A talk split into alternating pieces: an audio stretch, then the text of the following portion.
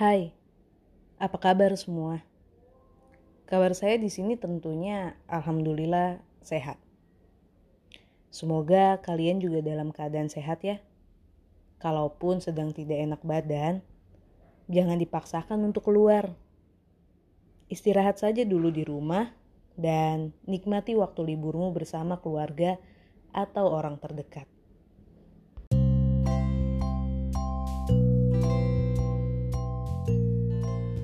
Masih jelas di ingatan saya, sepertinya baru tahun lalu saya membuat podcast tentang tahun baru yang isinya membahas soal resolusi. Sekarang pun antara yakin dan gak yakin, ternyata tahun baru udah di depan mata aja. Sama seperti tahun lalu, pada hari ini saya akan kembali membahas soal tahun baru di podcast ini.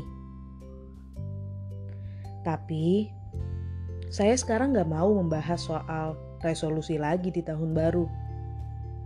Karena sepertinya semakin ke sini, saya perhatikan beberapa orang lebih sibuk memikirkan bagaimana caranya bisa bertahan melewati satu hari saja di hidupnya tanpa rasa khawatir, cemas, takut, atau perasaan-perasaan lain yang mengganggu harinya.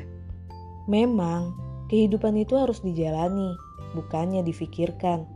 Tetapi perasaan-perasaan tadi justru datang bukan karena keinginan atau karena sedang difikirkan saja.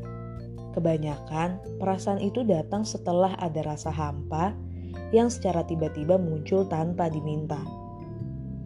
Kalian sendiri pernah nggak merasakan perasaan hampa itu? Padahal keseharian kalian sudah begitu sibuk, bertemu banyak orang, berbicara sana-sini dengan teman dekat atau rekan kerja. Dan tak jarang, kalian juga datang ke tempat yang ramai bersama dengan pasangan.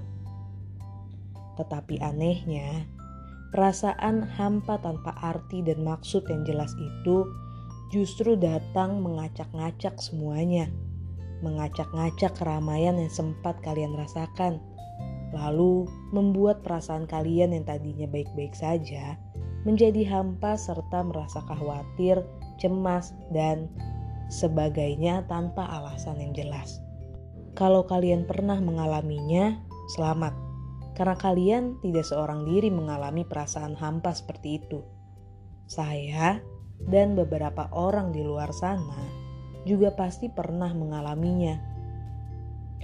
Tentunya saya tidak tahu mengapa perasaan hampa itu bisa datang Bahkan tidak ada jawaban yang pasti juga kenapa perasaan hampa itu bisa mengacak semua perasaan baik-baik saja yang baru saja dirasakan. Lalu kalau mau menghilangkan perasaan hampa itu, bagaimana caranya? Kalau kalian bertanya kepada saya, jujur saya juga nggak tahu pasti jawabannya tuh apa dan caranya tuh kayak gimana. Tapi kalau misalkan berkaca pada pengalaman saya pribadi, bila saya sedang dalam kondisi hampa atau merasakan perasaan hampa itu, saya akan mengambil waktu untuk beristirahat sejenak. Ya, karena saya pikir pada saat saya merasakan perasaan hampa itu, tandanya saya sedang begitu lelah setelah sekian lama, saya harus menampilkan yang terbaik di atas panggung dunia. Makanya, bila sedang merasakan perasaan hampa atau sedang merasa hampa, saya pasti akan memilih untuk beristirahat daripada harus bertemu banyak orang. Ya, selebihnya itu yang saya lakukan dan yang saya tahu.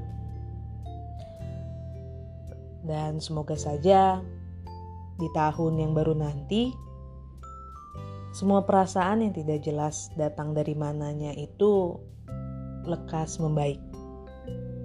Tidak harus dipaksa pulih, karena manusia memang wajar untuk merasa khawatir, cemas, atau perasaan mengganggu lainnya.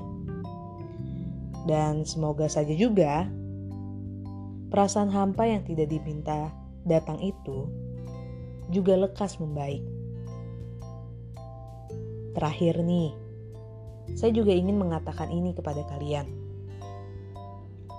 apa pun itu yang sedang memberatkanmu, yang sedang membuatmu sedih, marah, dan bahkan saat ini membuatmu kecewa, baik itu karena tingkahmu sendiri atau karena tingkah orang lain. Semoga di tahun yang baru nanti semuanya juga lekas membaik. Jadi sampai di situ dulu. Sekian podcast penutup untuk tahun ini. Sampai jumpa di podcast selanjutnya tahun depan. Selamat malam semua. Selamat tahun baru dan jangan lupa istirahat.